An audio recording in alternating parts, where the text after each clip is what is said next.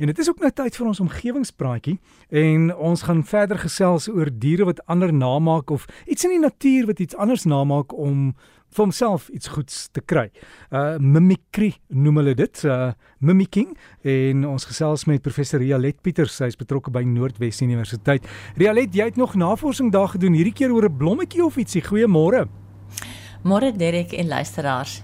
Na aanleiding van 'n storie van 2 Saterdae gelede toe ek vertel het van die skaars melkbosplant wat druppeltjies op sy blomblare vrystel, en wat na insekbloed ruik om jakkalsvliegies te lok wat op hulle beurt die blom bestuif, het 'n luisteraar uit Hermanus se wêreld, Dr Victor Hamilton Atwell, my vandag se storie onder die aandag gebring. Ek vertel dus van die uiters skaars orgidee waarvan die blom 'n reuk vrystel wat vir 'n langhoring boktor soos sy wyfie ruik.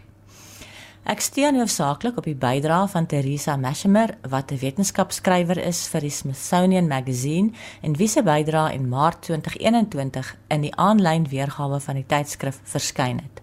Ek het daarom ook die oorspronklike wetenskaplike artikel wat deur Kellen Cowan aan die Universiteit van Kaapstad en medewerkers in Current Biology Matters in 2021 gepubliseer is onder oë gehad. In 2016 herontdek iemand weer 'n orgidee wat almal gedink het al uitgesterf het in die Fern Kloof Natuurreservaat naby Hermanus in die Wes-Kaap. Disa forficaria was eintlik net bekend uit botaniese tekeninge van die 1800s en 'n dowwerige foto wat in 1966 geneem is. En toe die groot herontdekking in 2016. 'n Orgidee entoesias, Callan Cowan, maar hy is ook bioloog aan Aitjies se Fitzpatrick Instituut vir Afrika Ornitologie, het ook die orgidee gaan besoek. Hierdie orgidee is endemies aan die Wes-Kaap en uiters bedreig. Nog net 11 plante is die afgelope 2 eeue opgeteken. Terwyl hy na die blom wat toe pas oopgegaan het, staan en staar, kom sit 'n insek op die blom en begin met die blom paar. Hy het eers gedink dat dit 'n wespe of dalk 'n by is, want dit is bekend dat orgidee geslagsferomone van wespe en bye afskei om die mannetjies te lok en wanneer hulle dan met die blom of wat hulle foutiewelik as 'n wyfie eien paar en dan weer na 'n ander blom vlieg en deur dieselfde storie gevleis word, hulle die blomme bestuif.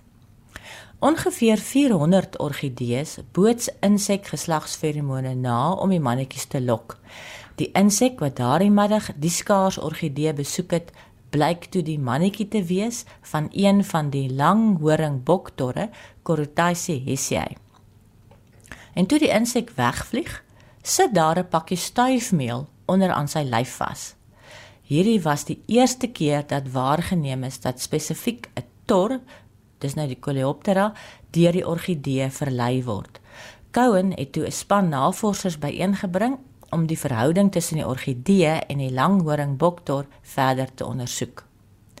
Die moeilikheid was dat hulle studiemateriaal uiters beperk was, want al het die plant meer as een blomknop, gaan net een blom op 'n keer oop en bly oop vir net 1 tot 2 dae. En dan gaan 'n paar dae verby voordat daar eers weer nog een blomknop oopgaan.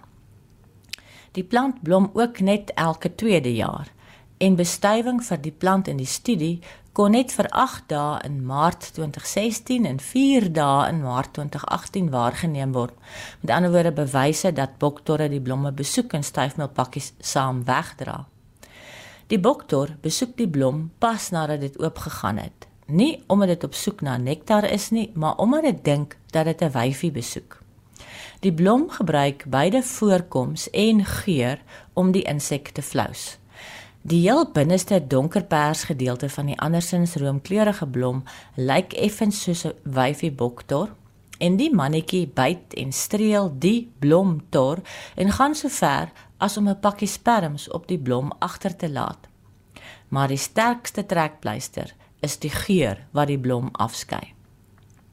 Die navorsers wou vasstel presies watter molekule in al die geurbestanddele die een is wat so verloklik vir die boktor mannetjie is.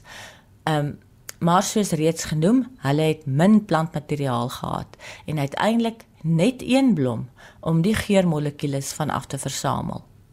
In van die vroegste navorsing oor insekferomone is 'n half miljoen seimotte gebruik om maar 'n paar milligramme feromone te onttrek en in 'n meer onlangse studie oor blomferomone was 20 blomme genoeg.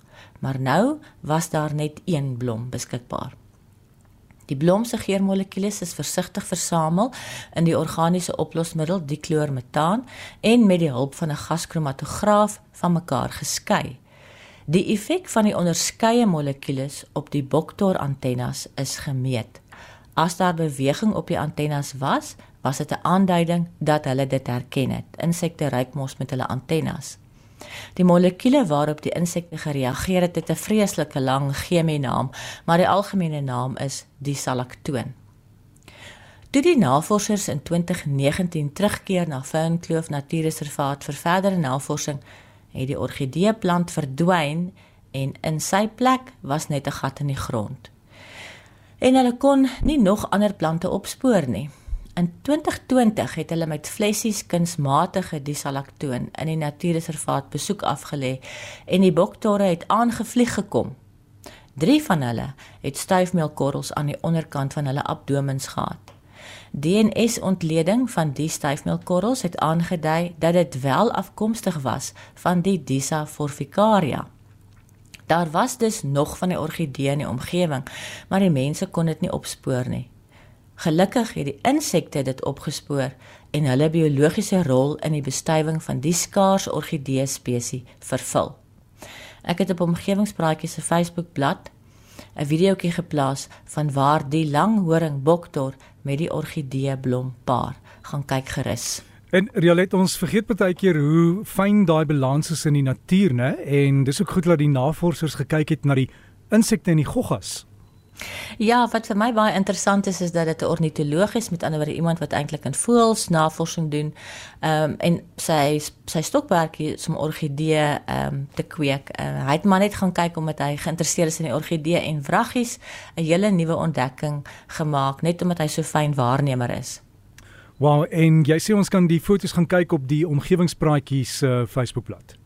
Ja, gerus, ek het uh, die videoetjie wat hulle geplaas het in hulle ehm um, toe hulle die artikel gepubliseer het, se aanvullende materiaal. Ek het dit daar gehaal en vir die luisteraars daar geplaas.